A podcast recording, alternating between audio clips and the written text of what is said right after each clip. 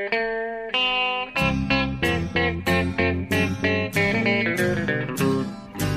out there, we're on the air. It's hockey night tonight. Tension grows, the whistle blows, and the puck goes down the ice. The goalie jumps and the players bump, and the fans all go insane. Someone roars, Bobby scores at the good old hockey game. Oh, the good old hockey game is the best game you can name. And the best game you can name is the good old hockey game. Hallå, hallå, hallå, hallå, hallå, hallå, hallå! Yes, hallå och välkomna till NHL-podcasten med eh, Jonathan Onskan Mowgli Ekeliv i Stockholm och mig Per Bjurman i New York. Ja. Vi är, sitter nu här på varsin sida Atlanten samlade för avsnitt nummer 164. Precis! Och det, apropå en fyra så är det ju det fjärde avsnittet i våran eh, preview-serie. Idag är det Pacific. Så att eh, det är Yes. lite konklusion av eh, all vår förhandstittande på alla klubbar. Ja, vi ska gå igenom de åtta lagen här. Och vi har som vanligt börjat i österled och rört oss västerut och hamnat i Pacific. Det är ju så rörelsen går i den riktningen. Det är väldigt naturligt och vi, vi har inte rört oss ifrån den modellen utan vi, vi är ju traditionalister båda två när det kommer till den typen av grejer. Ja, vi rör oss som solen, Jonathan. Ja, precis så jobbar ju vi. Ja, Faktiskt. Men eh, ja, innan vi kommer in på, på detta så, så eh, först måste jag bara fråga hur, hur, hur läget är med dig, Biffen. Jo tack, jag har lite ont i ryggen. Jag har en Asså? upper body, en upper body som Oh. plågar mig lite. Så jag har lite svårt att eh, sova just nu, men eh, det, det får väl gå ändå. Eh, Okej. Irriterande, jag har aldrig haft problem, några särskilda problem med ryggen. Men nu vet jag fan om jag har åkt på en crosschecking ute på stan utan att jag har märkt det. Du är inte riktigt i form här på preseason liksom. Du sätter dig uppe på, på pressläktarstolen och, och får lite problem direkt. där. Ja, som, som så många av veteranerna. Exakt, de gillar inte den här tiden på året. Alltså. Nej, är ju man är ju veteran. stel, stel och så. Jag, jag har gått för hårt in på, på kassen direkt här känns det som. Ja, under, under de här veckorna vi har startat, startat eh, podcasten. Så jag, jag, ja, eh, jag får nog börja säsongen på, det har du rätt i, jag får sitta och äta popcorn på pressläktaren. Exakt. Ja, nej då, det är ingen fara. Jag, jag, eh, och nu mår jag ju ändå bra eftersom jag sitter här med dig och ska Ja. eh, podcast. Så det är inga problem. Och eh, eh, mitt välmående eh, stärks ju av det faktum att nu har, nu har försäsongen brakat igång på riktigt. Ja, äntligen. Vi, Eh, vi, har, vi har har- diskuterat det i varenda podd här fram till nu att snart är det äntligen dags. Och förra podden sa att nu är det bara några dagar kvar tills du får sätta dig på Madison Square Garden igen. Och börja skriva Ja. texter. Men nu är det ju faktiskt så. Nu är du inne i det.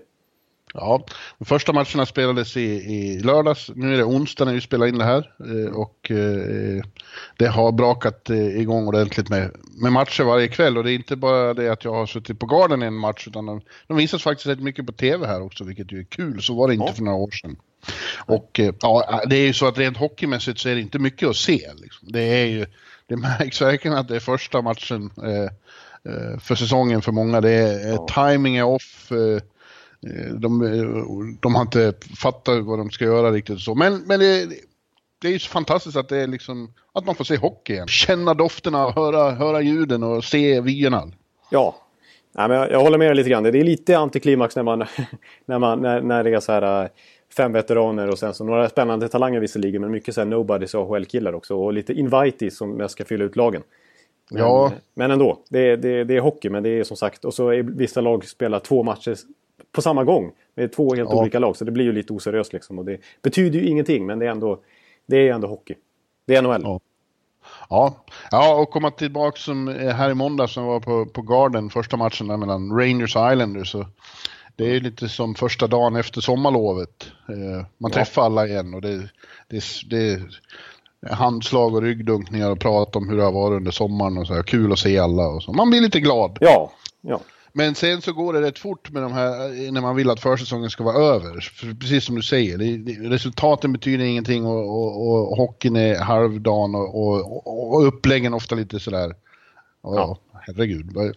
Vad, är det här? Nu vill, man, nu vill jag se de riktiga lagen och man vill se matcher som betyder något. Precis, man är spänd på att se liksom, nyförvärven i vilken, vilka kedjor de ska matchas i och så, så blir det att de, de ha- hamnar i någon tredje kedja med någon eh, AHL-spelare i princip. Bara för att de delar upp så mycket vilka, vilka som ska spela vilka matcher. Så det blir inte de här mönstren man, man vill se.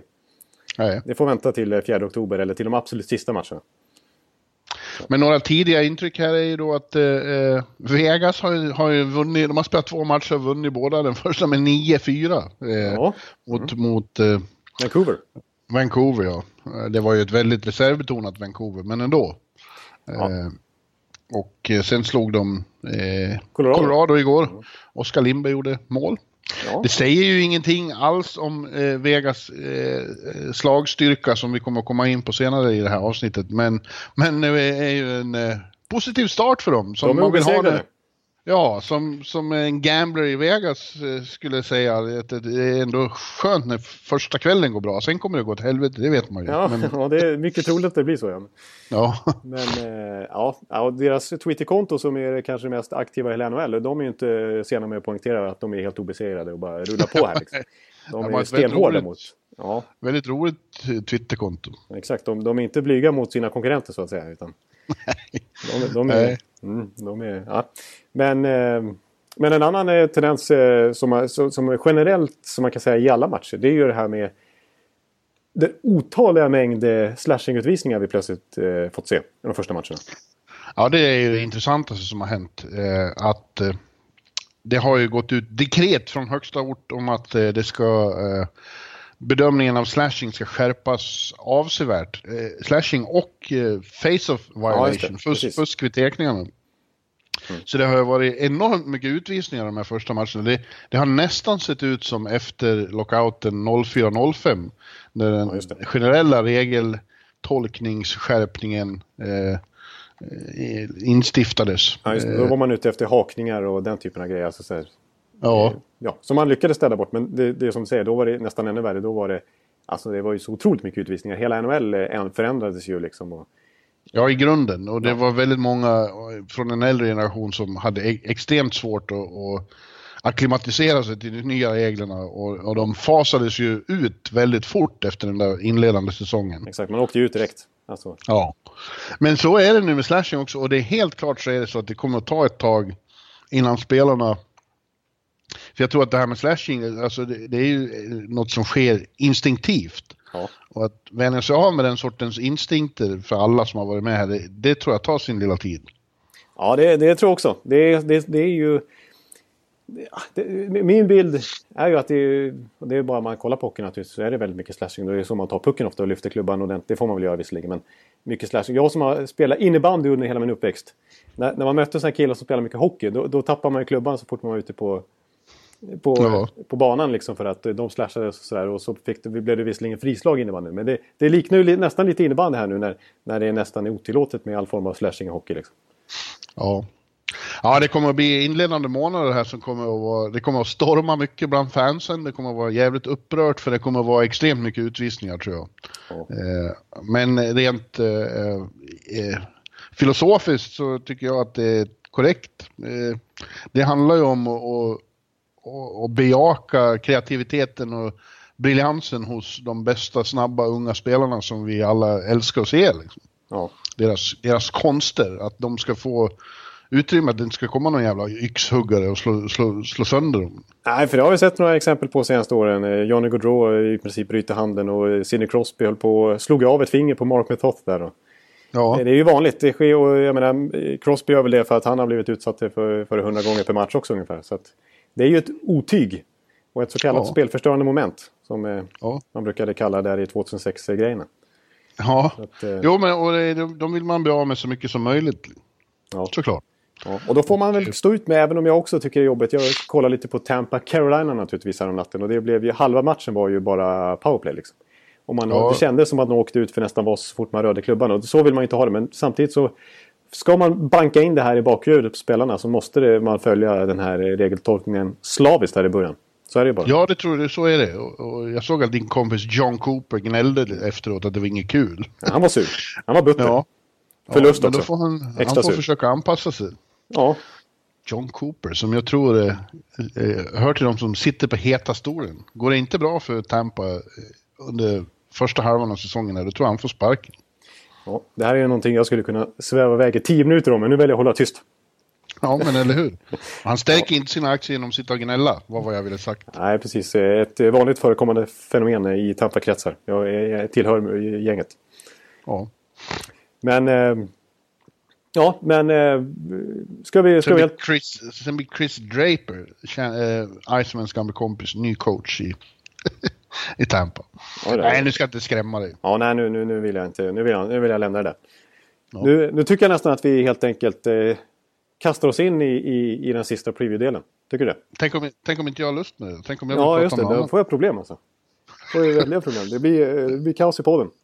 Nej, du har inga problem med att sitta och prata själv. Du kan hålla nej, låda i timmar. Jag brukar ju göra det faktiskt. Jajamän. Ja. Men, eh... Ja, nej, vi har Pacific då. Vi, vi går väl som vanligt i bokstavsordning. Och mm. eh, då eh, hamnar vi direkt hos, eh, ja... Anaheim. Anaheim. Anaheim, de är, de är nummer ett i bokstavsordning i hela ligan. Just det. Eh, kan man inte låta bli att reflektera över när man håller på så mycket att skriva om. Nej, just det, exakt. Du, har fått, du börjar alltid med Anaheim, när du, oftast när du ska göra dina eh, stora blogginlägg, när du tar varenda lag i princip. Ja, jag håller ju på med det nu också till, till vardags och det går tungt som fan. Det är två veckor kvar, jag måste, måste komma in i det här så jag får, får det gjort någon gång. Ja, det, det är alltså... Skulle man slå ihop det där så är det nästan en roman alltså. Det är så mycket tecken ja. du får ihop så att... Ja, jag förstår att det tar tid. Ja, det gör det. Eh, nu är jag på Carolina och då förstår du, du har inte kommit så långt som jag vill. Du har skrivit eh, 15 kapitel i en normal roman, höll jag på att säga. Men, men det ja. räcker inte långt. Jag har skrivit Anaheim till exempel. Det har du gjort i alla fall, så det, det passar ja. ju väldigt bra här. Ja. När vi och, går in på dem. Kommit fram till tror jag att eh, när jag sett vad andra säger och tycker så känns det som de är lite, lite underskattade i år. Jag förstår inte det. De, eh, visserligen är konkurrensen hård i, i, i Pacific. Mm. I toppen av Pacific i alla fall. Eh, men eh, jag tror ju att Anaheim är, är väldigt nära en... Eh, för, eh, ja, nu, nu fastnar orden här. Ja.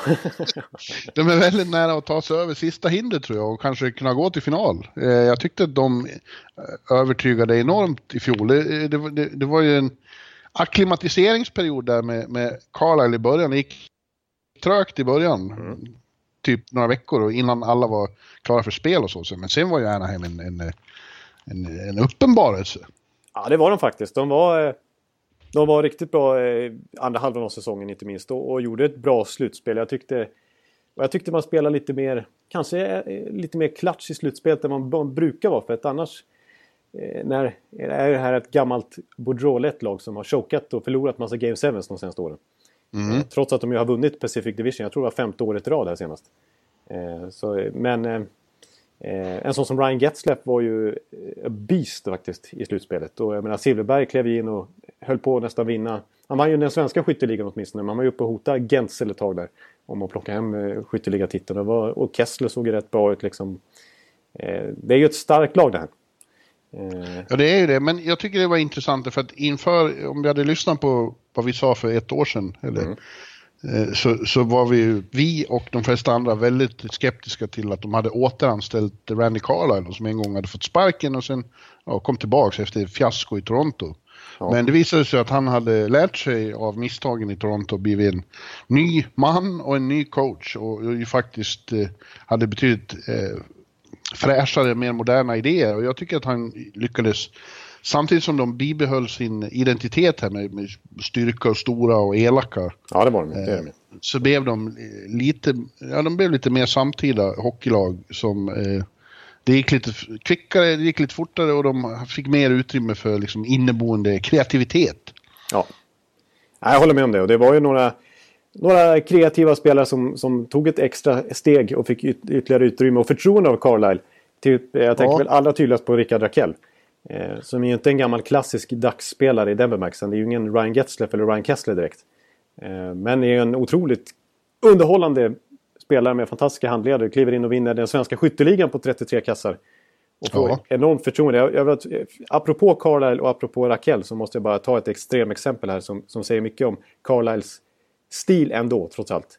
Eh, som, som funkade förra året. Eh, var en, ett moment i, att sätt, i hans sätt att matcha lag. Och Raquel Eh, förtroendet för Rakell. Det var ju i en match i Madison Square Garden, så du var förmodligen på den, den 7, 7 eh, februari.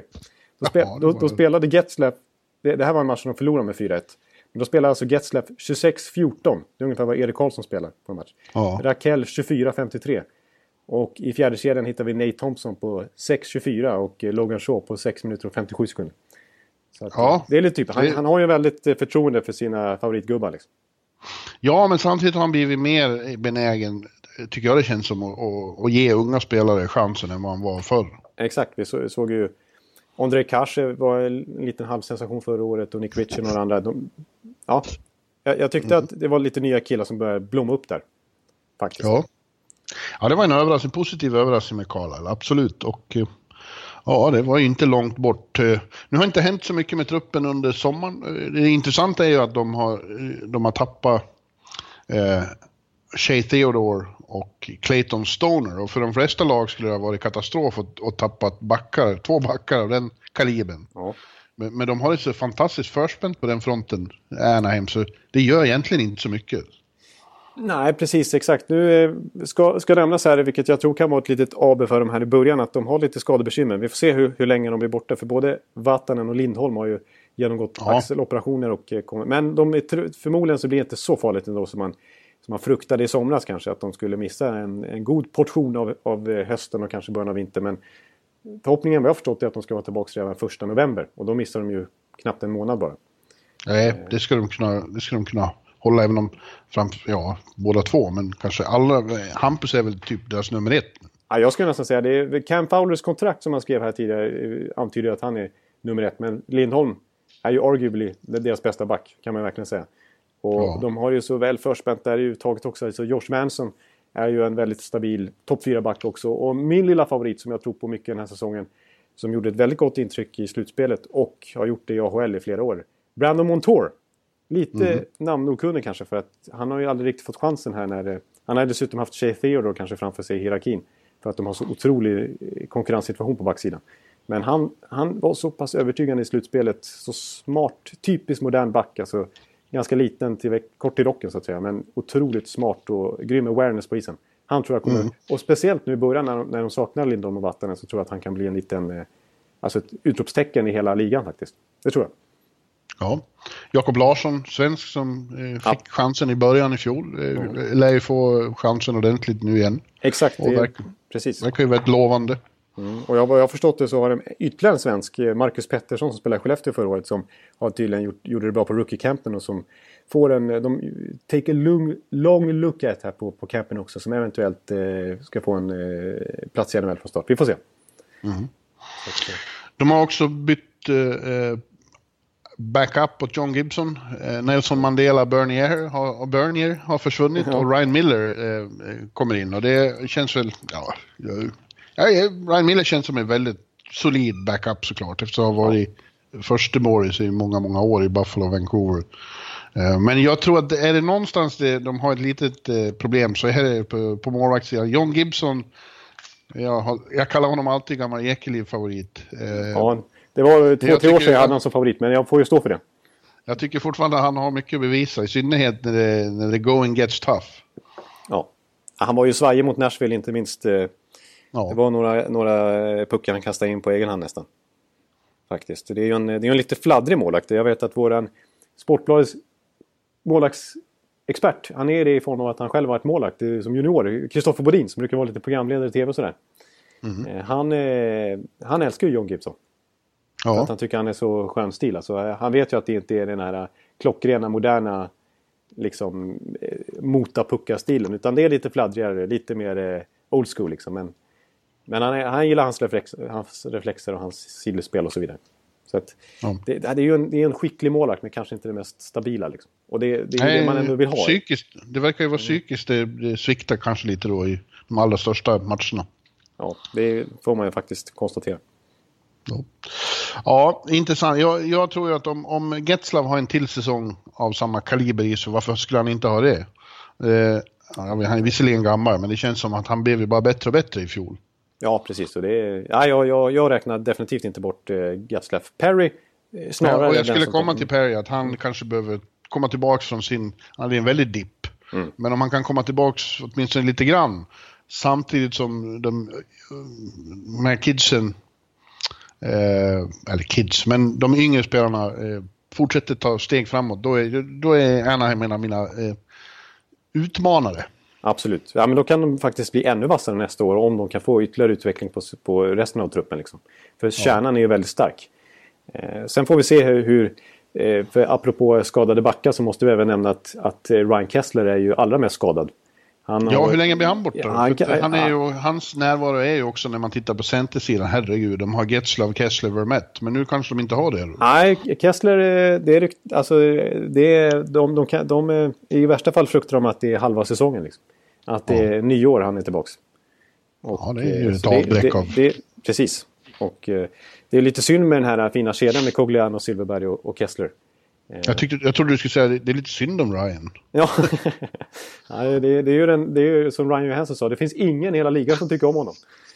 Att, eh... Nej, alltså att inte ens hans släkt och familj ja, just det, just det. Alla hans vänner hatar honom egentligen också. Så, så dum igen. Men, eh, ja, det var ett starkt uttalande. Det var stenhårt alltså. Mamma men, tycker inte om Ryan nej, Kessler. Så illa är det faktiskt. Men, eh, nej men... Men han är, det, det, är ett avbräck i alla fall. Eh, och där sägs det att Vermette ska gå in. Så här, så här sägs det faktiskt. Att Vermette ska gå in i den eh, kedjan. För att, så, så att för, behålla liksom shutdown-stämpeln där lite grann. Defensivt skickliga spelare. Nu eh, hoppas man att Silverberg ska fortsätta som han gjorde i slutspelet. Få powerplay-tid och, och fortsätta göra kassa liksom. Mm. Eh, men, eh, men att Rakell då. Eh, att, de ska, att han ska få vara center. Istället för ytterforward. Och att de ska köra lite pairings istället. att det är Getzlaff Eves i en kedja och så är det Cogliano Silverberg i en kedja och så är det Raquel Perry i en kedja. Och sen så... Just ja, de har ju Eves också som, mm. som eh, fick eh, en lite nytändning när han kom dit. Eh, ja. Och sen visserligen hade otur skadas i slutspelet men, men han, var ju, han var ju ett utropstecken också. Absolut. Och eh, funkar bra ihop med Getzlaff. Eh, Perry hade ju faktiskt bättre kemi med, med Raquel förra året än med Getzlaff. Men det blir intressant, då kanske inte Raquel gör lika mycket mål då, för han sa ofta när man frågade honom om, om den här fantastiska målproduktionen i fjol att det, det byggde på att han var ute, att han var winger. Ja. Det, då fick man fler tillfällen att liksom göra mål ja. och avsluta. Ja, precis, så det är lite svårt att veta hur Carlisle kommer matcha laget här om han har tre kedjor istället för två hans gåsten på. Så det, det, jag har, du har en poäng där. Det kanske inte är, blir samma utdelning faktiskt för Rakell i den rollen han kommer få ta första halvan av säsongen när, Kessler är borta. Så det, det, är en poäng. Ja. Men eh, slutspel, 100%. Ja, absolut, absolut. Men du, eh, då går vi vidare till deras granne, kan man nästan kalla dem, ja. i Arizona, Coyotes, ute i Phoenix. Det var, inte, var för inte så länge sedan och gud vad härligt det var. Ja. Eh, där har det hänt desto mer under vintern. Det var helt eh, korrekt övergång. Ja, de har sparkat coach Dave Tibbett. Eller de och de, det är ju John Chaika. Min jämnårige, han är ett år äldre än mig. Den, ja, en synnerligen unge general manager. Ja, han sparkar Tippett. Han har, han har eh, sagt adjö åt gamla trotjänare som Mike Smith och framförallt Shane Doan då, som inte får komma tillbaka efter att ha varit där sedan 1937. Ja, eh, eh och eh, det, det, var också på ägarfronten, renodlar de det. Eh, och eh, de försöker skynda på en förändringsprocess här som ska, som ska ge lagen en ny identitet. Som är mer vinnaridentitet, känns det ju som. Han är lite ivrig nu, Xhaka. Det får vara slut på det här tramset. Ja. han, han, har skaffat sig några eh, bra förvärv via trader också och, och hoppas genom dem eh, att de ska hjälpa till att få en väldigt talangfull ung kader att eh, blomma ut. Det låter som jag läser till men det gör jag inte. Men Nej, däremot så kommer jag ihåg ungefär vad jag har skrivit. Talets förmåga också. ja, så har det aldrig riktigt känts, men ja. Ja, det är imponerande. Men, men, så är det väl, så får man väl se det. Ja, det tycker jag verkligen du får, att man eh, kan formulera det. Och att det är precis så jag ser det också. Jag skulle vilja säga att Arizona är ett av de lag som man minst ser fram emot att se inför säsongen. Det är inte så att man bara oh, det är snart NHL, nu är det Arizona igen. Yes, utan, eh, men just i år så måste jag säga att Arizona är ett av de lagen som jag mest ser fram emot att titta på. Alltså. Jag är otroligt ja. spänd på att se hur det här bygget ter sig. Hur slagkraftiga de är nu. Eh, med ja. de här förändringarna. För det är ett nytt Arizona vi ska få se. Ja, och grejen är ju så här. Det finns ju många lag som har eh, talangpooler, liksom med unga killar som är på väg upp i the pipeline och så. Mm. Och ibland så känns det, eller ofta känns det som att ah, de kommer, det kommer att ta något år till innan de blommar ut. Mm. Men av någon anledning, och jag är inte hundra på att jag kan förklara varför, så känns det just med Arizona som att de, de är väldigt nära och verkligen explodera ett helt koppel ja. yngre. Ja. Ja, vi har McDomy och Anthony Duclair, The Duke. De, de hade ju fantastiska rookie-säsonger. Sen var det lite sophomore slump i fjol. Ja, en klassiker. Ja, men de kommer komma. Men sen, det finns ju hur många som helst ju. Ja, det är så eh. otroligt spännande. Alltså, det, man kan ju snöa in sig på vem som helst. Jag har ju utnämnt Clayton Keller i somras eh, till alltså, min Calder Trophy-favorit. Vi får se om, om det håller, men, men det är en jättespännande spelare. Otroligt spelskicklig. Ja. Eh, Dylan Strome. Dylan Strome. Cruz. Ja. Eh. Christian Dvorak var ju i princip första center förra året. Eh, också ja. jätteung. Eh, Brendan Perlini. Jacob... Ja, Chikrin. Chikrin säger man, ja.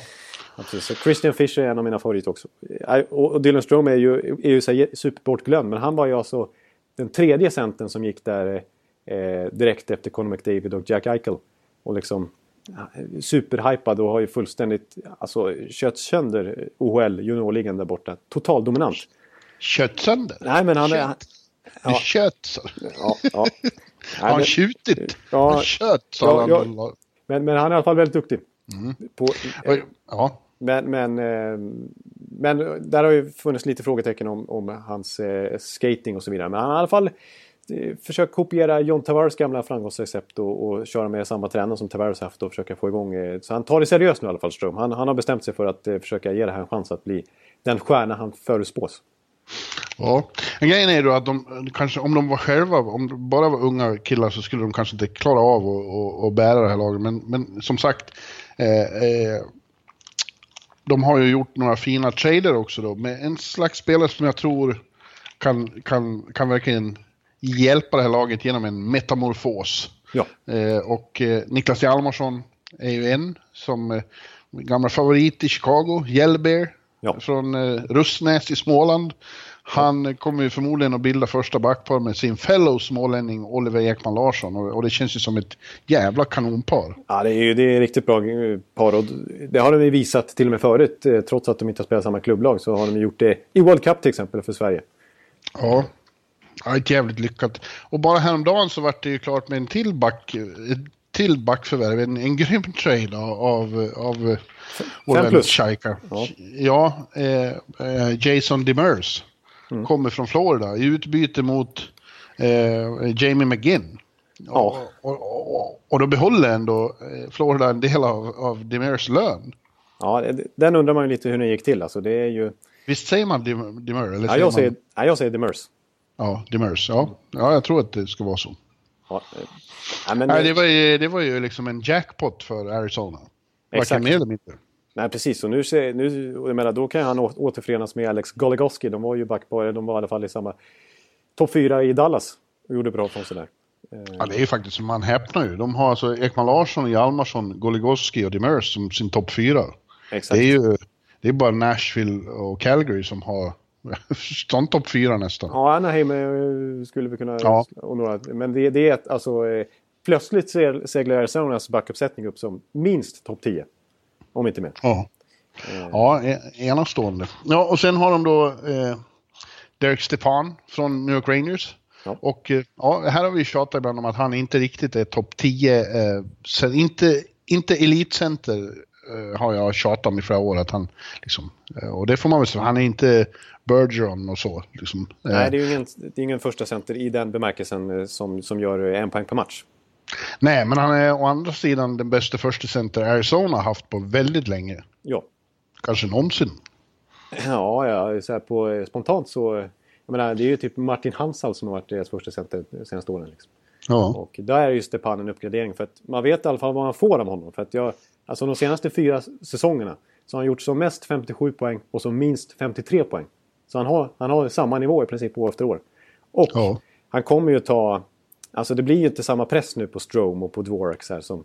Eh, hade, hade de inte värvat in Stepan då hade det ju verkligen krävts att de ska gå in i topp 6 båda två. Men nu, ja. nu har de en kille som de kan luta sig tillbaka lite mot. Alltså. Eh, ja. Och som inte är så otroligt liksom uttalad franchise-spelare på något sätt. Att, att de inte kan gå förbi han i hierarkin heller om de skulle få superutveckling. Så det känns som en väldigt smart värvning av Scheika där också tycker jag. Ja. Och så eh, från, från Rangers kommer också då Antti Ranta som ny, ny målis efter Mike Smith. Och, och, och, Ranta har ju varit en av de eh, bästa backupsen i, i ligan senaste åren. Nu vet man ju aldrig vad, en sån, eh, vad som händer med en sån när de får huvudansvaret, men vi, jag, jag, jag räknar nästan kallt med samma utväxling på honom som, som Edmonton fick på Talbot. Jag tror att eh, han är redo för det. Ja, det, det, jag tycker definitivt att det är värt en chansning i alla fall. Det är som du säger, man vet inte hur man, vad man ska förvänta sig av en, en kille som alltid varit backup i NHL. Men det är ju verkligen Talbot-vibbar. Kommer från samma skola där Rangers har, haft eh, Lundqvist som mentor liksom. Och gjort det ja. väldigt bra under flera säsonger nu. Ja. Och Chen är ju, har ju åldern inne också. Han är ju 27-28 år jag till och med ska fylla 29. Så han är ju han är mogen för att ställa sig i kassen och vara nummer ett. Ja, det är han och Scott Darling som, som liksom... Eh, de är, känns som de är de som har varit eh, backupper som är, som är redo för den här sortens tjänstgöring. Precis, de har gått NHL-skolan om man kan uttrycka sig så. Och, ja, verkligen. Och, och, nu är de redo att examineras. Liksom. Mm. Så att, eh, och så, så har vi en ny coach också då, i, Rick Tockett.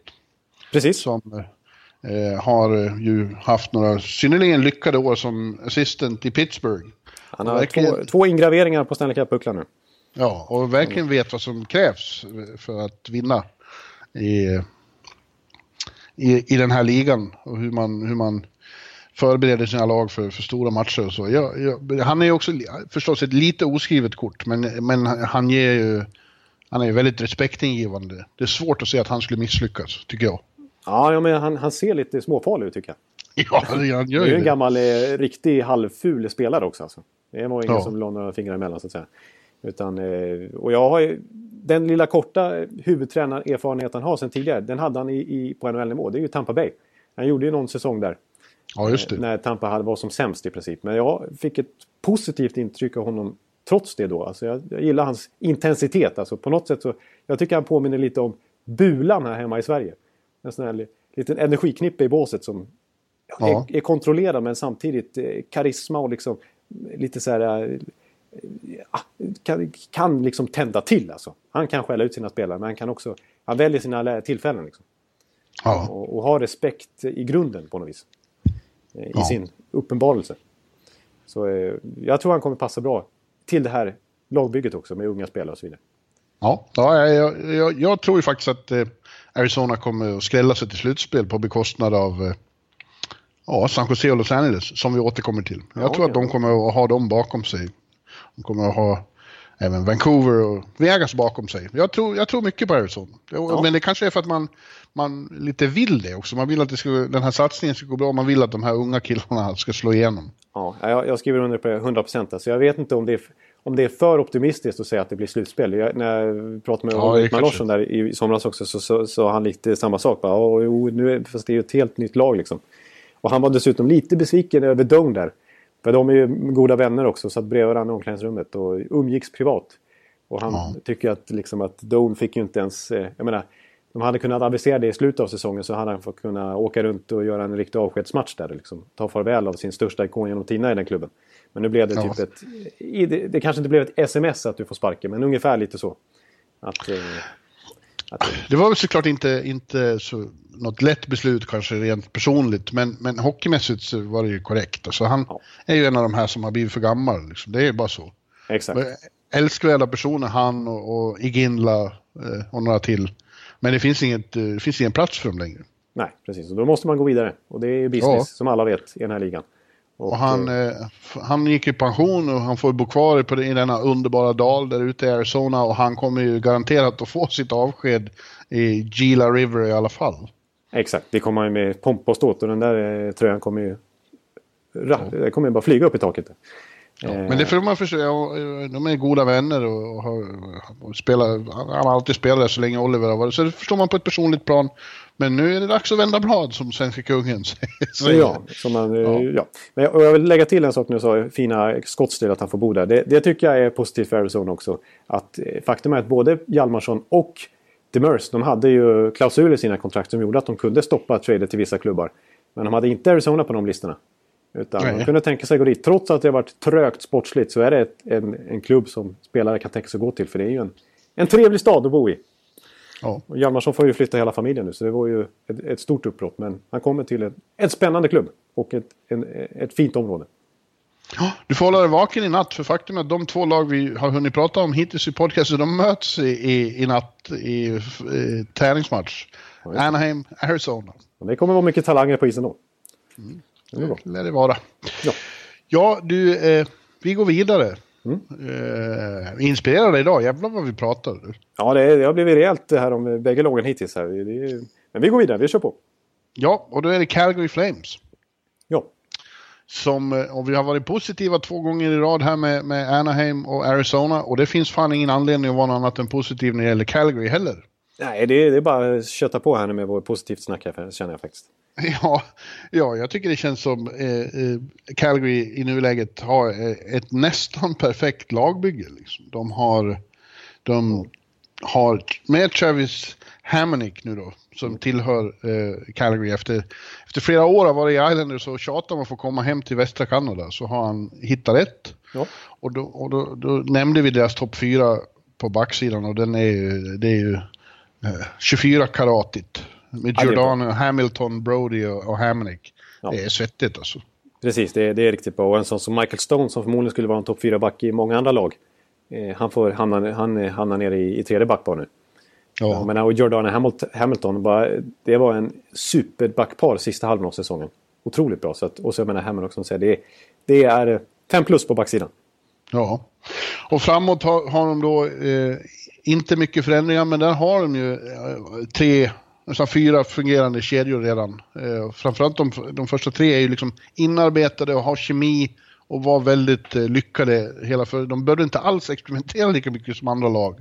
Eh, när Kachuk och Backlund och Frolik vart sån liksom sammansvetsad enhet. Ja, den var Precis ju... som Gaudreau, Monahan och, och, och Brower. Ja, alltså, ja, precis. Alltså, Chuck Backlund Frolik är ju... Är ju eh, det var ju en, alltså, en av NHLs bästa kedjor förra året. Så pass var det. Speciellt med tanke på att de matchade som en defensiv kedja lite grann på det viset att de fick ju ofta möta motståndarens bästa kedja för att spela jämt med dem. Men faktum är att possessionmässigt så dominerar de ju när de var inne på isen. Mot vilka de än mötte i princip. Jag tror de var typ den bästa Corsi-kedjan i hela NHL.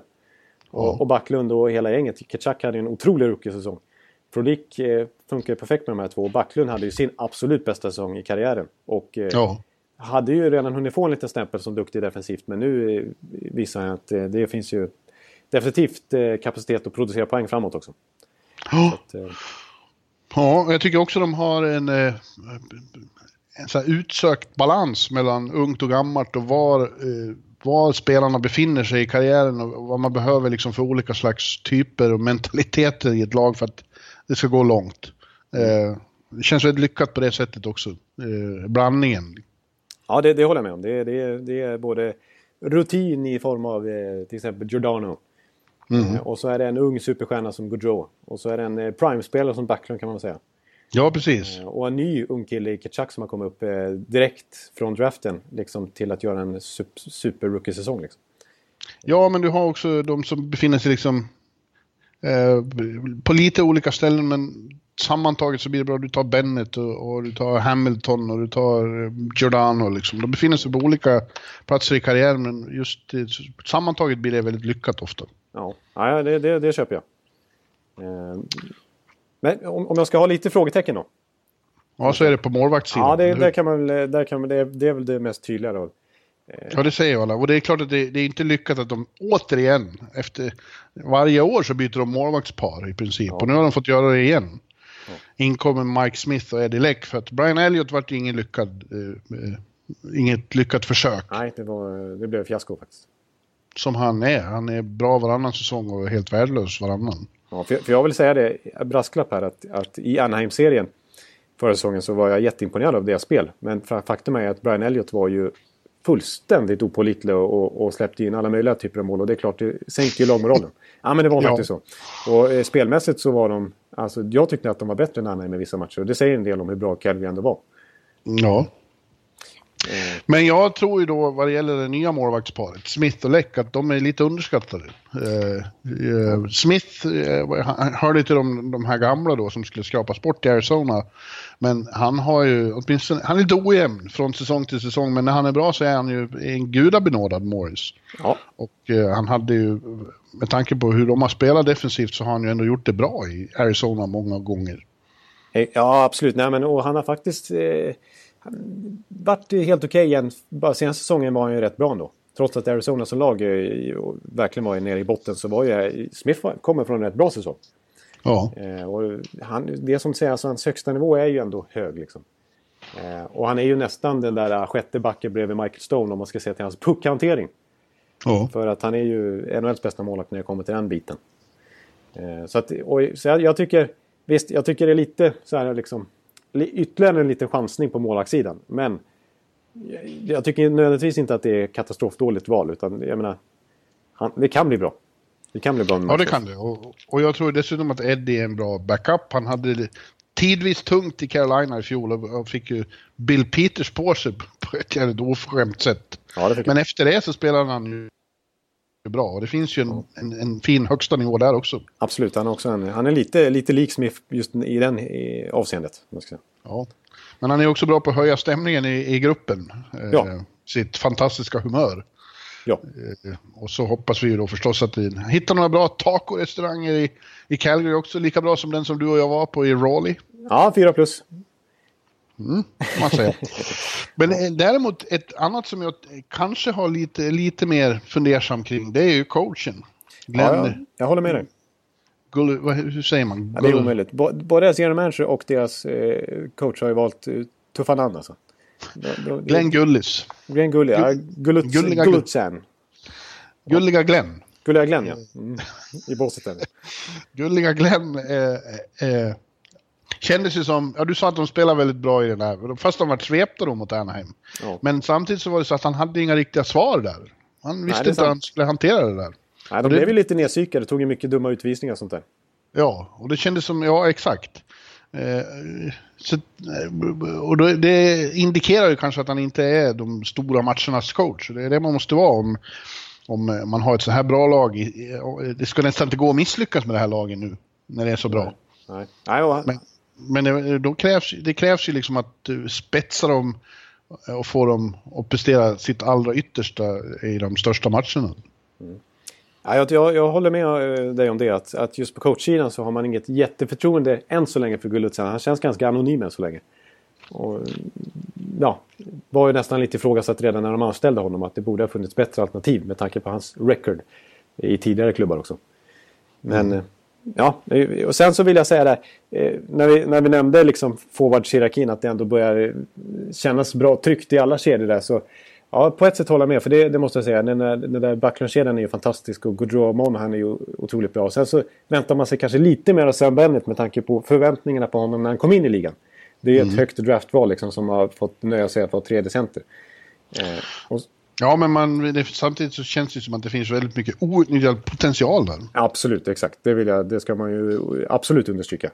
Sen, sen däremot där är det ju faktiskt... Du sa att Brower hade varit uppe och kört i första kedjan där och, och de, har haft, de har testat eh, jättemånga. Nästan alla forwards var uppe och testade med Monahan. Gaudreau. Men den som lyckades bäst och som jag har sett att de har kört med nu även på försäsongen. Det är ju alltså den här brunkaren Michael Furlan. Och det, det är bara för att han är den enda som är tillräckligt snabb för att hinna, hinna med liksom Gaudreau och Monahan. Han har inte handledarna för det. Men han har speeden. För det går undan alltså om man ska spela där. Eh, och jag, jag, vet inte, det, det, jag tycker ändå att det är lite svaghetstecken för att, det, att, att de måste ha en fjärde kedjebrunkare bredvid dem. Jag, jag tycker de skulle kunna få ännu större utveckling på Gaudreau och Monahan. De hade lite mellanår förra året för vad de. Eh, shit vad Calgary skulle se bra ut om de hittade en tredje part till, till de två. Alltså en riktig Ja. tredje part. Det, det, men det, är- det, är ett- det är ett svagt frågetecken, vill jag ändå uh, avisera. Ja, det tycker jag känns som en parentes med tanke på hur bra de ändå har varit. Ja, ja det håller jag. Det, det, det köper jag. Jag ska inte sitta här och argumentera eh, stenhårt kring det. Eh, slutspelslag Ready to pop the question? The jewelers at BlueNile.com have got sparkle down to a science with beautiful lab grown diamonds worthy of your most brilliant moments. Their lab grown diamonds are independently graded and guaranteed identical to natural diamonds, and they're ready to ship to your door. Go to BlueNile.com and use promo code LISTEN to get $50 off your purchase of $500 or more. That's code LISTEN at BlueNile.com for $50 off. BlueNile.com code LISTEN. Tveklöst. Ja, och redan innan de kommer till slutspel och kanske i slutspel, vem vet, så kommer det hur som helst att bli episka Battle of Alberta kan man nog utgå från. För det andra laget i den ekvationen är vårt nästa lag, Edmonton Oilers, och de är ju också Ja. på en fruktansvärd uppsving, får man ju säga. Ja. De, de bröt sig ur gamla mönster i fjol och eh, tog sig, vann en slutspelsomgång och pressade ju Anaheim i sju matcher. ja, det är de. Och jag tänker nu gå, vara väldigt drastisk och säga att jag tror att Edmonton Oilers går till final i år. Ja, och, då, och, då, och då måste jag konstatera, nu pikar podden. Nu pikar podden. Vi, vi har varit så positiva eh, kring alla lag nu. Och nu kommer vi fram till att, att, att de går till final här. För jag känner att de övriga fyra lagen vi ska diskutera här sen, då, då går det ner för alltså. ja, det kommer, Det kommer gå det kommer en tvärnerför. tråkig andra halva. Ja, men riktigt trist, alltså depressiv andra halva. Så nu är det liksom det mest positiva nästan podden har upplevt här känner jag. Ja. Eh. Och det handlar ju framförallt om en spelare då, Conor McDavid. Och jag eh, ser ju, jag kan inte låta bli att se paralleller till Sidney Crosby. Hans start i ligan. Första året han var i ligan, då missade Pittsburgh slutspel. Ja. Året därpå så gick de till slutspel, åkte visserligen ut i första omgången. Tredje året, då gick de till final och fick stryk. Fjärde året gick de till final och vann.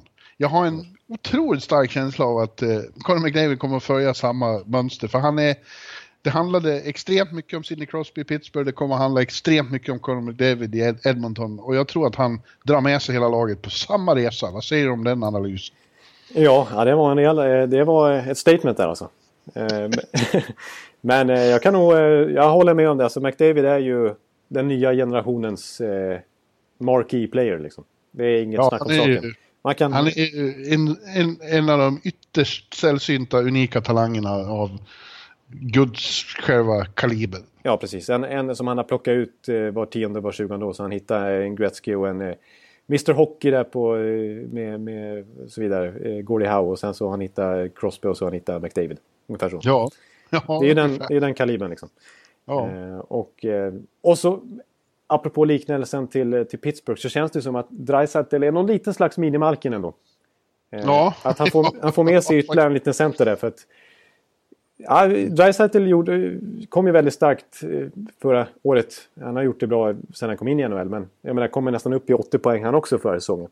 Eh, Och är ju ken, alltså, otroligt, nästan, han blev nästan överhypad i slutspelet för han var så bra.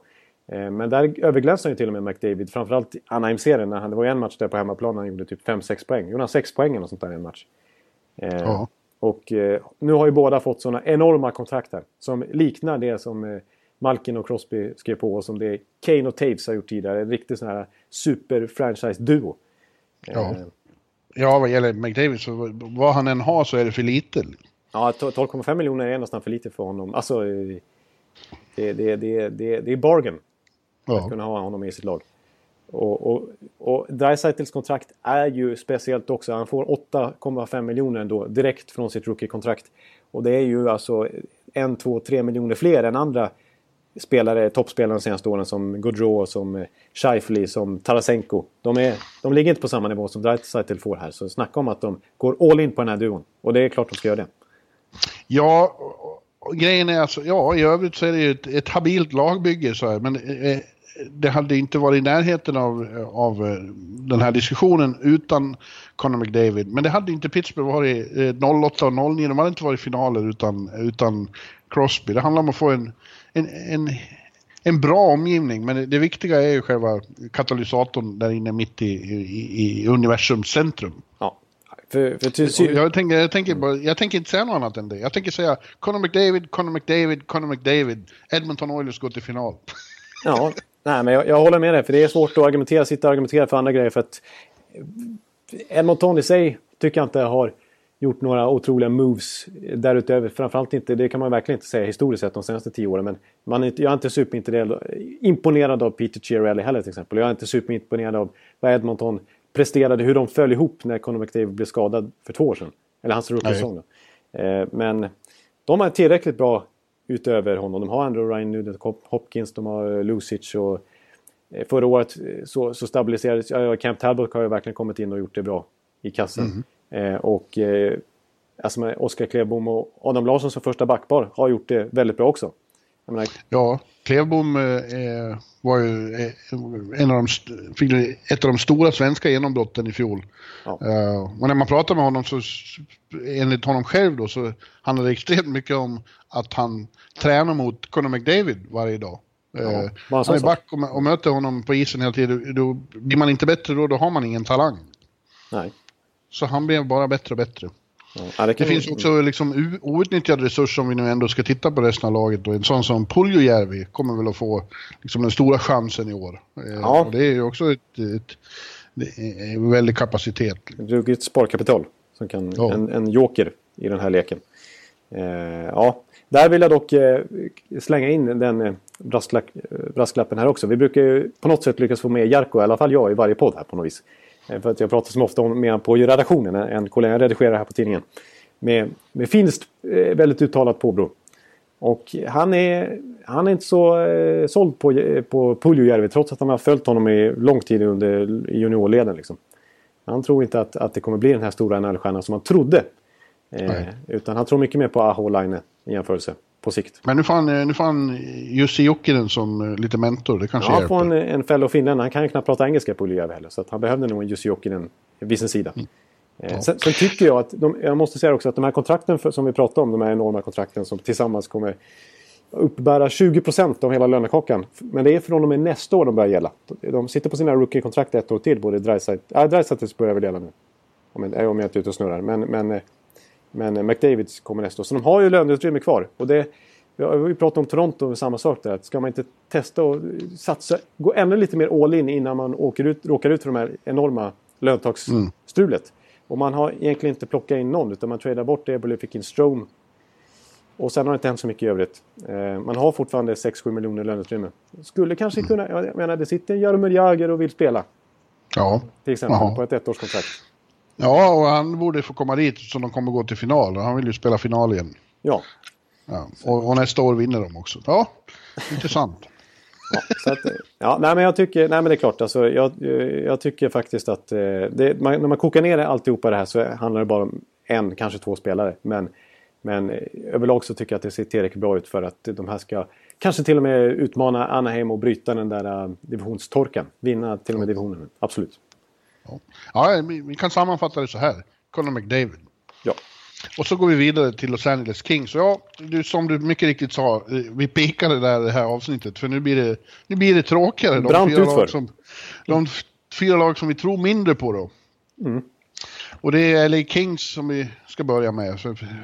För detta topplag. Var på väg att bygga en, en eh, dynasti nästan. Utmanade Chicago under de, stora åren. Men, eh, men nu tror jag att Kings är på väg åt fel håll. Absolut. Ja.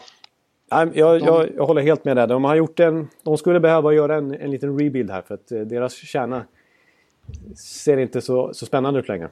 Eh.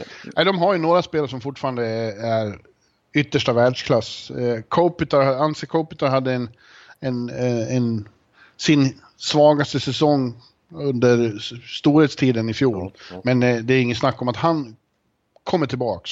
Det, det skulle förvåna mycket annars. Och Jeff Carter är ju också en, en stor center och Drew Dowdy, även om han inte är någon favorit hos, hos er statsmänniskor. Ja, men jag gillar Drew Dowdy. Jag tycker att han är en av NHLs bästa skridskoåkare alltså, och passningsspelare. Ja. Jag, älskar, jag, jag, jag, älskar Drew Dowdy. Och, och ja, han... han... är underbar att se på när han spelar hockey. Mm. Eh, eh. Och Quick, om han är skadefri så är det en, en eh, bra första keeper då. Det måste man ju säga. Ja, eh. men därutöver så är det många som eh, har liksom känns som de verkligen är, är past their prime. Och då tänker man framförallt på Gabrick då. Ja, Gabrick är, och knäproblem har nu också. Jag Gabrick som man kan spela. Alltså. Nej, och Dustin Brown. Och... Ja, alltså det, det, det, det, alltså det första kedjan som de har mönstrat här på försäsongen. Det är ju alltså det är ju Det skriker ju 2011. Det är visserligen Kopita då. Men så har han alltså Michael Camilleri och Dusty Brown bredvid sig. Det är de som ska leda laget. Ja. Ja, Camilleri är det stora, det är nästan den enda riktiga eh, förändringen från tidigare till i år då. Han är ju gammal trotjänare och... Äh, ja, ja, jag vet inte. Han blev utköpt från ett annat lag som har problem med målskyttet. New Jersey. Problemet är att de inte har så mycket känns som, som kommer bakifrån. Liksom. De har inte något jättemycket, de har ingen djup talangpool direkt. Nej, alltså jämfört med nästa lag vi kommer in på som är San Jose där jag tycker att det finns lite spännande talang på gång. Så, så nej, det är inte mycket man hittar där. Men Adrian Kempe är ju, är ju spännande för oss ur svensk synpunkt. Men det är ingen supertalang. Det är ju en, kan bli en... Jag tror han etablerar sig i NHL i år. Kan bli en bra tredje, kanske andra seriespelare. Men det är ingen... Det är ingen som kommer få fart på Los Angeles Kings eh, målskytte varken i år eller på sikt. Och så, så har vi de som är liksom är, eh, de har ju slagit igenom redan, eh, Tyler Toffoli och Tennant Pearson. Och de är ju bra. Ja, de är bra. De är bra. Men de är lite för ensamma. Exakt, det blir lite för... Alltså den kedjan, den gamla That 70s line. Mm. Med alla 70, 70 spelare där med Carter och Toffoli och Pearson. Den, den, är ju bra. Och där, där kanske det finns lite sparkapital. Visst, Carter gjorde en supersäsong men, men Toffoli hade ju enorma skadeproblem förra året. Och där kan de ju få in lite... Där, där kan ju få in mycket mer mål från honom den här säsongen. Men... Äh, det, tittar man på de där fyra kedjorna så är det, ser det inte alls bra ut alltså. Eh. Nej, det ser lite, lite, lite Nej, inte alls, men det ser lite tunt ut. Ja, det ser tunt ut. Det, det ser, det, jag menar, 201 kassa som de gjorde förra året är ju inte tillnärmelsevis eh, tillräckligt för att, för att gå till slutspel. Och den här fyra kedjorna tycker jag i alla fall inte är god för mycket mer än så. Eh, och då Nej. blir det inte slutspel liksom. Nej. Eh, och de har bytt coach också. Och, och, och vad man vill om Daryl Sutter. Och det var ju en speciell karaktär minst sagt. Ja. Men en väldigt bra hockeycoach. Absolut, jag tycker det är jättebra. Absolut. Mm. Och, och då har man inte gjort någon dramatisk förändring. Vad jag, vad jag kom av med här nu var att han är en jättebra coach men, men det behövdes ju ett nytt, en ny röst där. Det hade ju gått lite i stå med honom. Ja. Framförallt hos de som har varit där länge, det märktes ju. Ja, exakt. Jo, absolut. De låste ut honom i omklädningsrummet och sådana grejer. Ja, ja. Men då tar de in hans assisterande John Stevens som, som känns... Ja, han känns ju framförallt rätt anonym typ. Ja, ja. Eh, men uh, han är säkert habil också, men, men det känns inte som något lyft direkt. Nej, det känns inte som en eh, markör på, på Arizona-mått mätt direkt att nu ska det till en förändring här. Utan det, det, är ju assistenten som får befordras istället. Liksom. Ja, och det är Rob Blake som är ny general manager och han, han känner sig för känns det som. Han ja, vet inte exakt. riktigt vad han gör. Och han har också varit i organisationen länge, både som spelare och där i bakgrunden i front office. Så det känns inte heller som någon eh, jätteförändring. Liksom. Och, och Rob Blake har ju inte kunnat gjort någonting nästan i sommar. Det är ju alltså Cavalier han har plockat in i princip. Ja. Eh, för de är ju lite bakbundna med de här kontrakten. De har verkligen försökt. Jag sa ju så här, för, borde göra rebuild. Men det är ju de kontrakten som de verkligen behöver bli av med. Det är ju till exempel Dustin Brown och det är Gaborik och så här, som förstör för dem. Men, eh, och några till kanske man kan, man kan eh, dra in i ekvationen. Men det är ju ingen som vill ha dem. De gjorde ju allt för att, för att bli av med dem till, till Vegas expansionsdrafter men de vill ju inte ta med dem i tång.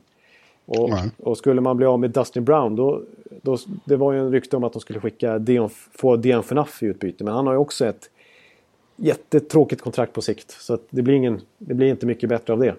Så att de är ju låsta med de här kontrakten. Så det, det ser ju tufft ut för, för Rob Lake på sikt också att kunna bygga om det här laget på allvar. Ja, men det är för att Lombardi var så, så förre generationen var så lojal mot spelare som han, som gav honom Stanley Cups och så. Ja. Så han skrev ju extremt långa, för, deras del, förmånliga kontrakt. Det var lite present. Ja, deras ja det kanske det var. De vann ju ja. två Stanley ja. Cups, så det, det, kanske var värt det då, men då, då, då får, då, nu får man ju betala för det då. Exakt. Eh, och när vi ändå är inne på, på det här så, så på LA Kings så, så måste jag också nämna Drew Dowdy eh, Eh, att just det, jag var inne på det i någon tidigare preview på, det var väl med Erik Karlsson att hans, hans kontrakt går ut 2019. Det är ännu mer surr redan nu om att Ontario-killen Drew Dowdys kontrakt går ut 2019. Och att Toronto då ska få hem, äntligen få hem en sån här big marquee signing eh, och så back dessutom som de vill ha. Eh, från, från området. Eh, och, och, han var ju faktiskt, nu har han ju tagit tillbaka det för han insåg att det såg inte så bra ut. Men han sa ju så här. Eh, faktiskt. I don't give a shit where I play, I just wanna win cups. Ja, exakt. Han, I somras i ett intervju i Hockey News, så- sen försökte han ju eh, backpedal det Ja. lite grann. Att det var inte menat så drastiskt, men, men det, det säger ju ändå någonting, helt klart. Ja, det är inte så att han är låst för att, och, i Kalifornien-solen där utan han, han inser var, vart det här bygget är på väg. Det var lite Ja. den, det var det som puttrade ut ur hans mun. Ja, ja. Så att, eh, ja. Ja jag tror ju att eh, de får svårt att ta sig till slutspel i år. ja, jag, jag, och med tanke på att, eh, alltså hur, hur vi har berömt de här fyra första lagen då, då, då platsar inte LA Kings där. Utan då blir det inget slutspel. Och med tanke på att wildcard-platserna snarare kommer tillhöra central-lag så, så, så får Kings eh, återigen missa slutspel. Fjärde gången på de senaste tre åren. Eller tredje gången på de senaste fyra åren ska jag säga. I så fall. Då är dynastin officiellt över. Om det inte redan är det. Ja, ja precis. Lika tveksamma är man inte till San Jose Sharks. Det är fortfarande ett klasslag känns det som, men jag, jag, är, jag är inte hundra på att de rör sig i rätt riktning heller. Även om du nu sa att det finns mer talang här så tror jag de befinner sig lite i, i, i, vid något slags jobbigt vägskäl nu. Mm, mm.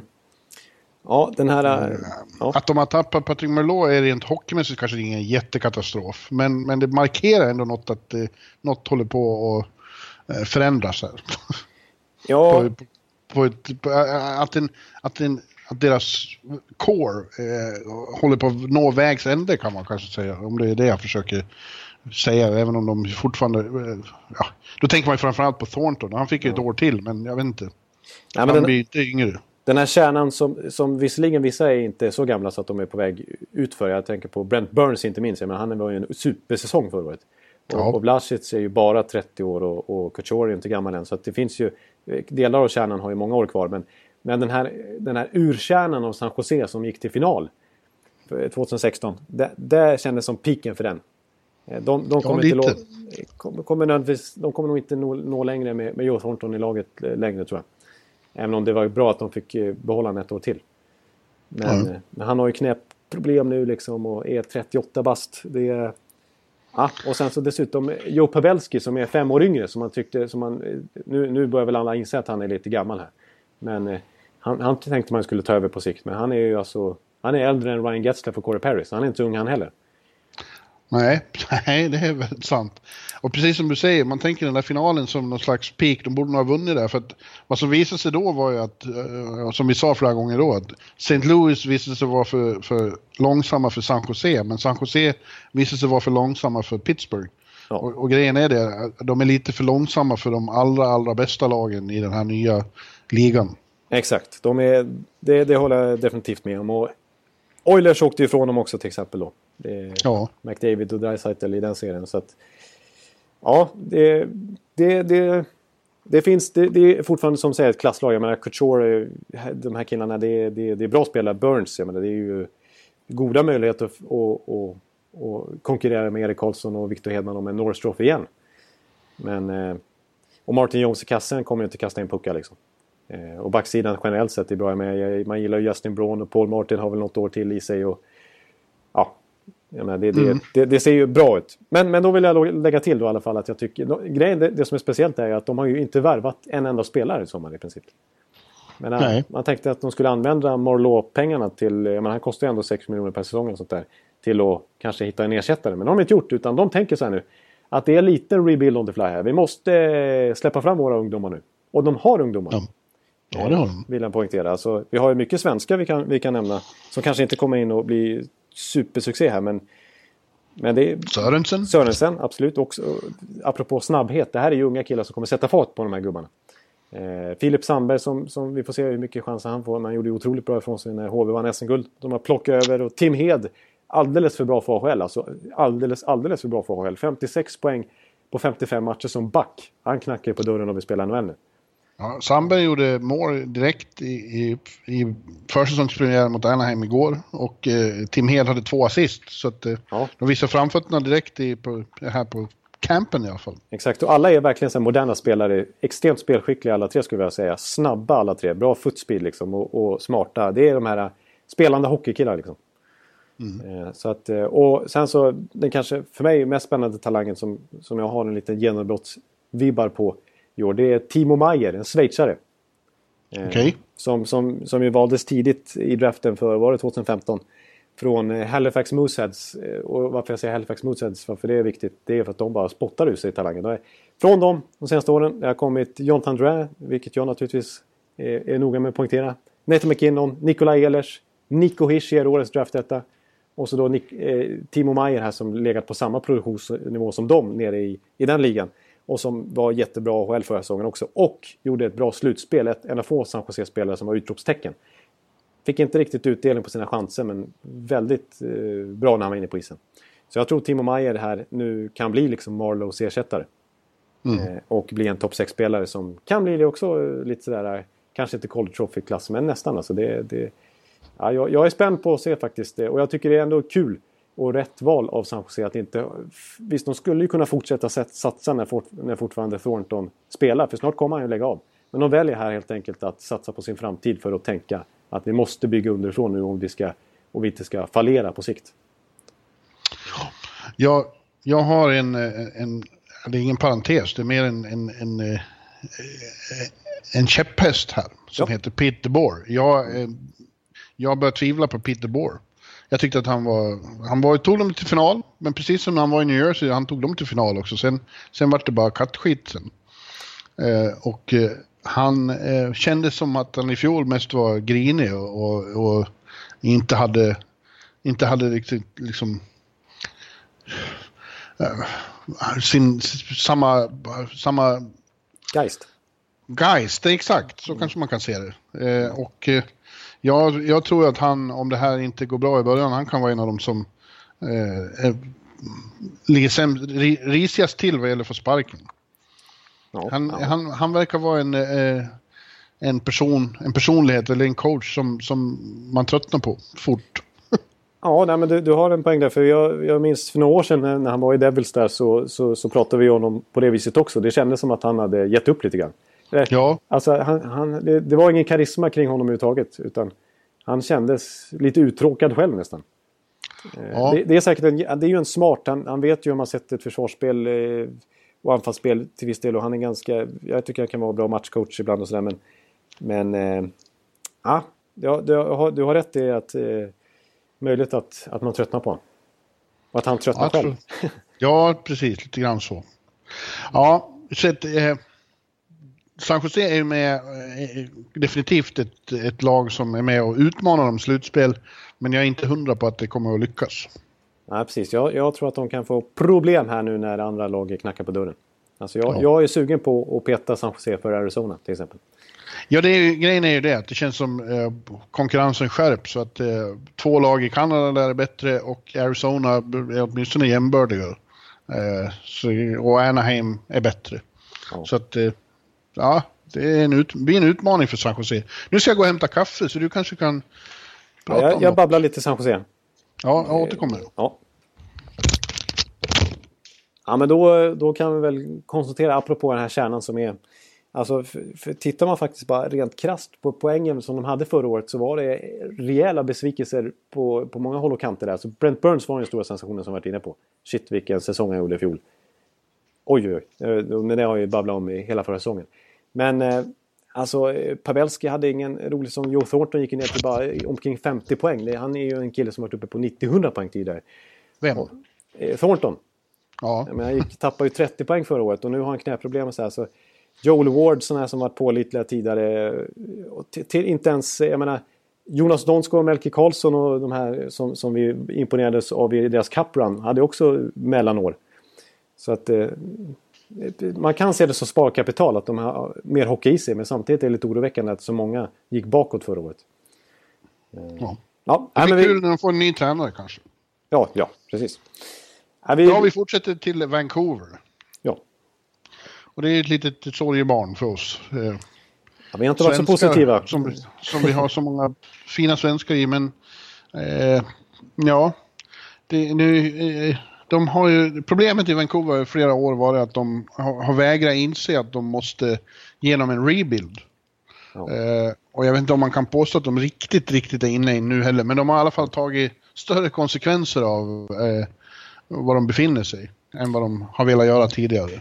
De måste Ja. förstå att de måste föryngra. Ja, de har insett att de inte är en contender längre. Nej, Och, det, och, och lokalpressen har för första gången nästan insett att, att de inte ska ha det som krav längre heller. För de har fullständigt sågat sönder dem vecka efter vecka.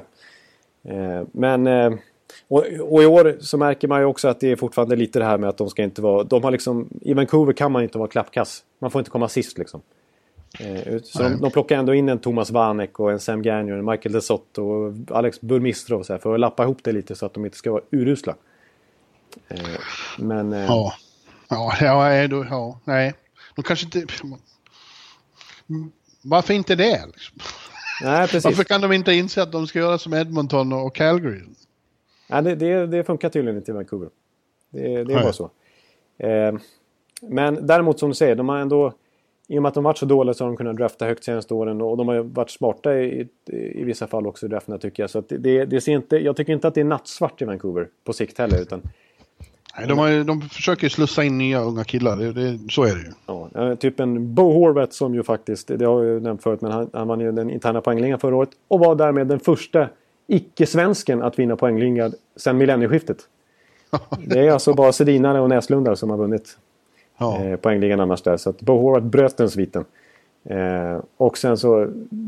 Alltså, eh, Brock Baser kom ju in på ett bra sätt i slutet av förra säsongen. Han är ju superhypad nu i Vancouver. För det, det är ju det...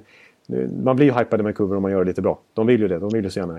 eh, ja, han har varit bra nu under försäsongen också. Ja, absolut. Så det, det kan nog bli fint. Och några andra, så här, lillebror Marcus Granlund var ju faktiskt eh, bättre än väntat förra året. Och Sven Bertzi, en annan schweizare, gjorde det bra. Och de har lite... Och Nikolaj Goldobin tror jag kommer göra, vara en eh, duktig ryss som eh, jag tror att eh, Travis Green kommer befordra från AHL. Travis Green är ju deras nya tränare som de har också befordrat från AHL. Eh, Så att eh, lite, lite spännande grejer att hålla reda på där i den klubben. Men det, Och Virtanen. Ja, precis.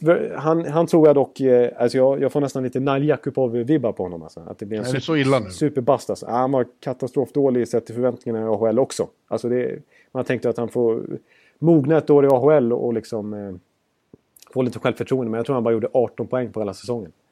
Ja, det, det, det, det duger inte.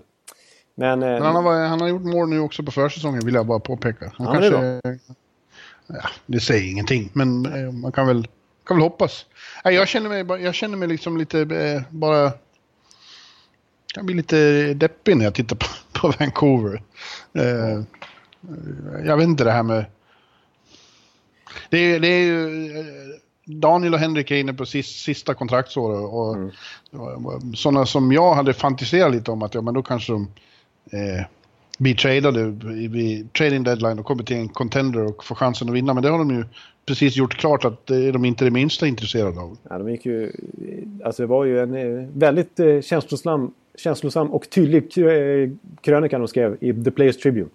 Ja. Med en, en superkärleksförklaring till Vancouver att de, det, det, är inte, det skulle inte betyda någonting att vinna Stanley Cup i en annan klubb utan det är bara i, i Canucks som det skulle betyda någonting. Så därför vill, vill vi inte bli tradade. Nej, det är fantastiskt. Det är ju de. Liksom. De är ju sådana människor. Och de är extremt bra killar. Och det, det är ju hedersamt, men det, det betyder ju att det, det, det kommer inte bli någon Stanley Cup. Nej, precis. Och, De, är, de, de sa också att de själva var missnöjda med sin egen säsong i fjol och tänker försöka bli bättre i år. Det, det kan de säkert. Det är fortfarande två väldigt habila hockeyspelare med eh, den här förmågan de har. Och, och, ja, du vet. Ja, men de har ju ögon i nacken och- Telepatiska Ja. snurr. I, i, men de är ju, vad är de, 37? Ja, de är ju födda 80 alltså, de är 37 år. Eh, så att... eh, Och de, ja. Ja, och det, jag menar, det är inte så att eh, Bo Horvath som slog dem i poäng förra året gjorde någon supersäsong för att göra det. det. Det räckte med 50 poäng för att vinna interna poängligan i fjol. I, I Vancouver. Så det är ganska... Ja, det, det, de är, det ser inte bra ut helt enkelt. Nej, Vanek, jag pratar med dem, de hoppas att han ska bli en bra, ett bra komplement till dem. Eh, Inte vet jag, li, lite intressant låter det i och för sig. Ja, det är ju en... Det, det, där har vi också en gammal superspelare liksom. Eh, och som ju gjorde det bra i Detroit i alla fall. Det blev ju ingen succé-trade till Florida, men eh, det var ju en... Han var ju en liten revelation i Detroit i början av säsongen. När han faktiskt eh, öste in poäng ett tag. Så Ja. att han är ju inte slut, Vanek. Eh, nej, och jag, jag, tror som sagt, jag tycker ändå att vissa unga spelare är så pass intressanta. Jag är ju lite intresserad av Travis Green också. Jag har ju förmåga att överhypa de här AL-tränarna som kommer upp. Ja, du har ju det. Ja, verkligen. Men jag tycker det är lite spännande ändå. Eh, så jag tycker inte det är totalt nattsvart. Men... Det var Dallas Eakins någonstans. Varför inte han eh, Jack Adams? Eh, varför kallas inte han Jack Adams nu för tiden? Trodde man ju när du hypade upp honom när ja, han kom precis. in i ligan. Ja, men han är... Randy Carlisle berömmer honom för hans verk i San Diego Gulls i AHL. Ja. Så att han ja, skickar upp lite talanger till, till Anaheim, till exempel Brandon Montour. Men ja. ja, det är ju ingen Jack Adams. Nej, nej, det kommer att dröja några år innan vi får räkna med Vancouver igen, tror jag. Ja, precis. Och... Eh, eh, ja, vi, vi, får ju nämna i alla fall att de har två svenskar i kassan i alla fall. Ja, just det. Markström, Nilsson och Markström tror jag eh, kommer att göra en fin säsong ändå. Ja, och han har ju verkligen väntat också på att få, få bli första keeper till slut. Och det har man ja. onekligen signalerat till honom nu. De skrev ett eh, nästan första keeperkontrakt med honom för, några, för något år sedan redan. Innan, långt innan kontraktet gick ut så förlängde man. Eh, och nu, nu, är, nu har man ju släppt Miller här och eh, Anders Nilsson kan ju, kan ju visserligen konkurrera med honom också men det känns som att det här är Markströms år på riktigt. Första året i, i, i hans NHL-karriär som han verkligen uttalar detta. Ja. Eh. Ja, jag, jag, han har gjort bra. Han har bitit ihop när de här åren gick tungt i Florida och sen Eh, Nere i AHL ja, i, i Vancouver i början till exempel. Ja, vägrar upp och är ju en väldigt bra mål. Det såg vi till exempel när han hoppade in i World Cup för ett år sedan. Han gjorde några riktigt ja. fina matcher där. Ja, det gjorde han. Stabil. Mm. Markan. Mm. Ja. Ja. Slutligen, vårt sist, 31 och sista lag vi ska prata om. Ja, ja det är sista det är, laget. Lämpligt nog det nya laget. Det 31 ja, laget i NHL. Eh, som nu kliver in i ligan. Eh, och det är ju Vegas Golden Knights. Från eh, Las Vegas Boulevard i, i Sin City. Ja. Nevada. Ja. Eh, och det är ju faktiskt... Eh, det, är, lite surrealistiskt att ja. vi faktiskt prat, ska prata om det här laget nu. Att, eh, att de finns. Att de är med än. Jag ja, trodde ja, aldrig det skulle ske. Men det är för jag tycker det är en dröm. Ja, Ja, det, det, är ju den, eh, alltså få kolla på hockey i den stan. Alltså den, den helhetsupplevelsen. Ja. Den, eh, den vill man ju inte missa helt enkelt. Den, den är nästan för bra för att vara sann. Det var ju en dröm att, att det skulle hamna ett lag där. Första eh, i amerikansk proffsidrott att satsa på en franchise i den stan. Och så blir det NHL och så sker det i år. Och nu sitter vi och pratar om Vi ska försöka vara seriösa här och, och, och, och göra en, en preview-titt på detta lag. Liksom. ja, det är ju... Eh, tänk helgmatcherna de kommer ha, vilka, vilka, vilka lämmeltåg av fans det kommer att vara som, eh, som eh, planerar en, en weekend i Vegas där deras lag spelar där. Framförallt ja. från öst, de som bara ska dit en gång. Ja. Eh, det, det, är... Ja, det är ju årets resa. Ja, det är ju det. För, den, för de fansen liksom. Det är inget snack om det. Eh. Frågan är vad de får se då när de kommer dit. De får se en väldigt fin arena. Ja, det har varit där några gånger. En modern Eh, ingen, ingen, eh, ingen kioskvältare som arena sett, men den ligger fantastiskt bra. Och eh, ja, det blir, det blir ju... Eh, de kommer få kul, men det är alltså... Låt oss vara realistiska här. Det är ju inget... Eh, de kommer ju att komma sist i ligan. Ja, jag... de, de har, även om de kanske kommer att vara bättre än, som NHL hoppas kommer att vara bättre än tidigare expansion-lag direkt, så, så är det ju ändå ett eh, ett ihåligt lagbygge. Av naturliga skäl. Det, det, finns ingen att kritisera för det. De har gjort det så bra de kan, typ.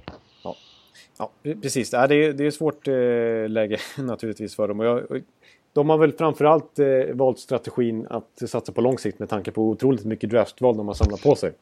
Och det var ju ett vägskäl. Vad skulle de göra? De hade kunnat få ihop ett ännu lite slagkraftigt lag den här säsongen. Men det hade kanske räckt till att missa slutspelet med fyra poäng och sånt där. Och hade det varit värt det i så fall. Men samtidigt vill man ju etablera lite intresse direkt från, för den lokala publiken liksom, och inte vara klappkassa direkt. Men, men eh, de har, George Trafik har ju ändå sittat lite mer på att det ska bli bra på sikt. Ja. Eh, för att kollar man på, alltså det som framförallt skrämmer mig med det här bygget som gör att jag inte tror att de kan hävda sig från år ett. Det är backsidan. Ja, nej visst.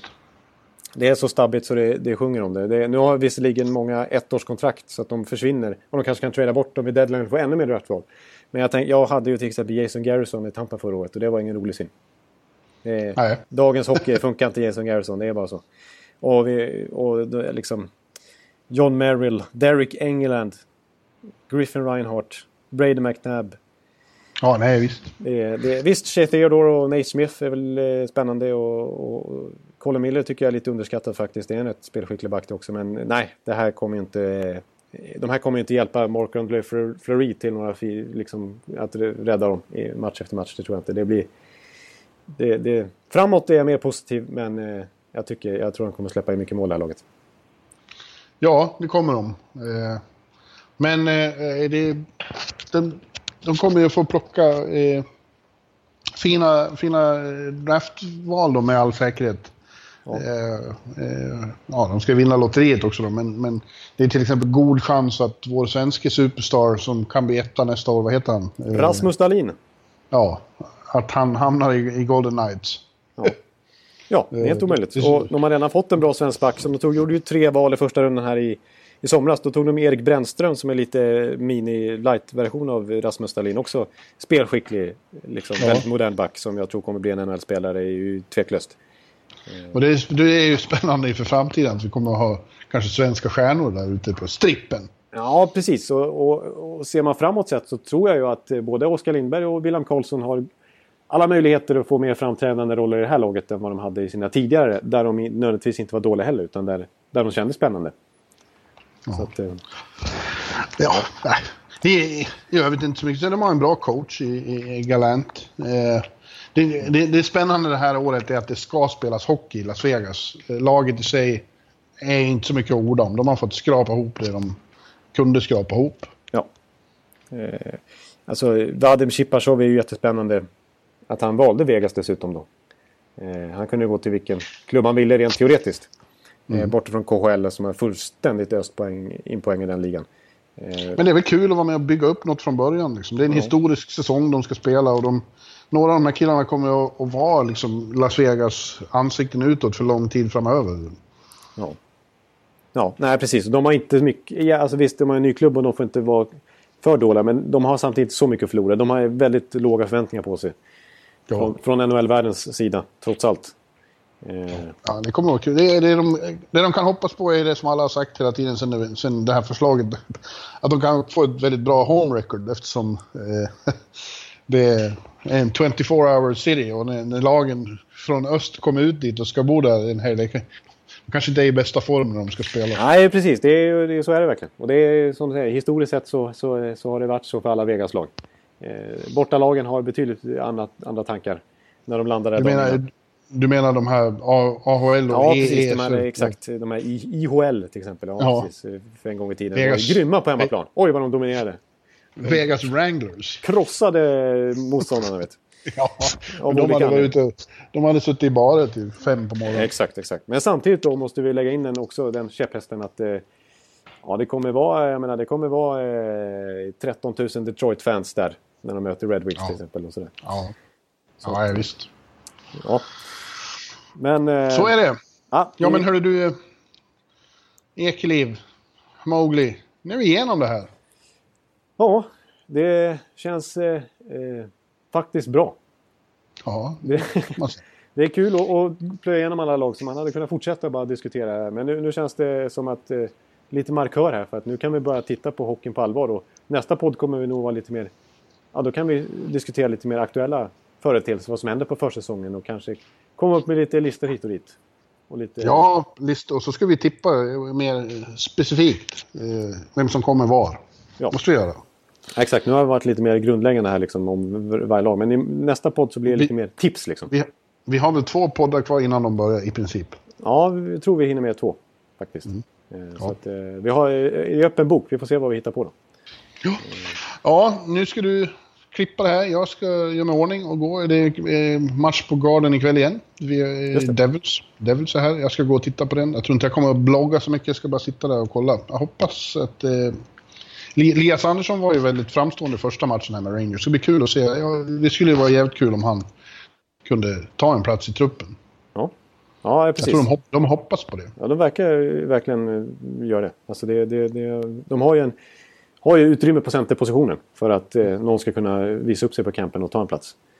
Eh, sen får vi se om du får se Marcus Johansson om han spelar. Han spelade första matchen så det är väl osäkert. Det hade varit kul. Typ. Något väldigt tråkigt är att jag inte får se Brian Boyle. För igår kom ju chockbeskedet att Brian Boyle har drabbats av cancer. Ja, det var ju faktiskt... Eh, det, En, en, och en, en, en form av leukemi. Och prognosen är god, det ska gå att behandla. Och de har upptäckt det tidigt, men i alla fall, det är alltid eh, väldigt obehagligt. Han är bara 32 år och får cancer. Det är inte, det är inte kul. nej, precis. Och, eh, exakt. Redan... Eh, han familj och så vidare. Eh, Och råkade ut för en sån grej. Men eh, han var ju väldigt positiv i... Jag försökte vara väldigt positiv i denna tunga nyhet. Jag har fått ett enormt. Han är en väldigt omtyckt kille. Ja, han har varit på hela han NHL. Ja. i Kings och Rangers och Tampa och Toronto. Och eh, ja, alla ser honom som familj. Exakt. Precis. Alltså han, han, han har ju... Ja, precis. I alla klubbar han har varit i har han ju varit i princip en publikfavorit. Och i omklädningsrummet bland medspelarna. Så det är ju en extremt populär spelare.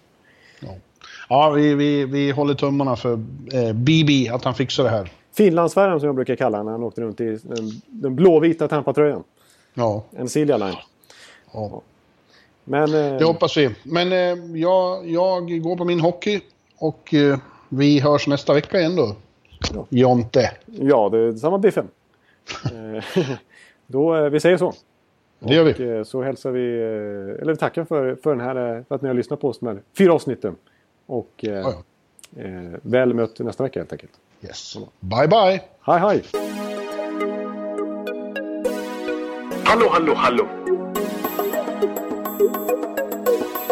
Hallå, hallå, hallå. Alex Chiazot, Joe Luis Arena och Esposito. Esposito. Uttalsproblem, men vi tjötar ändå. Och alla kan vara lugna, inspelningsknappen är på. Bjuder Hanna Kohl, han är grym i sin roll. Från Kållesoffan har han fullständig kontroll på det som händer och sker. Det blir ju allt fler som rattar in hans blogg. Och lyssna på hans podd. One, two, three, speed, so Hallå, hallå, hallå. One, two, three, speed, so Hallå, hallå, hallå. Ekeliv, som är ung och har driv. Verkar stor och stark och känns allmänt massiv. Han hejar på Tampa och älskar Hedman. Sjunger som Sinatra. Ja, och det ser man. Nu är det dags för refräng. Dags för magi, Victor Norén. Du är ett geni. Så stand up at home and remove your hats. Höj volym, för nu är det plats. One, two, three, speed, so Hallå, hallå, hallå. One, two, three, speed, so Hallå, hallå, hallå. One, two, three, speed, so Hallå, hallå, hallå. One, two, three, speed, so Hallå, hallå, hallå. Det är otroligt länge sedan båda samtidigt var så här bra. Hallå, hallå, hallå. Det är otroligt länge sedan båda samtidigt var så här bra.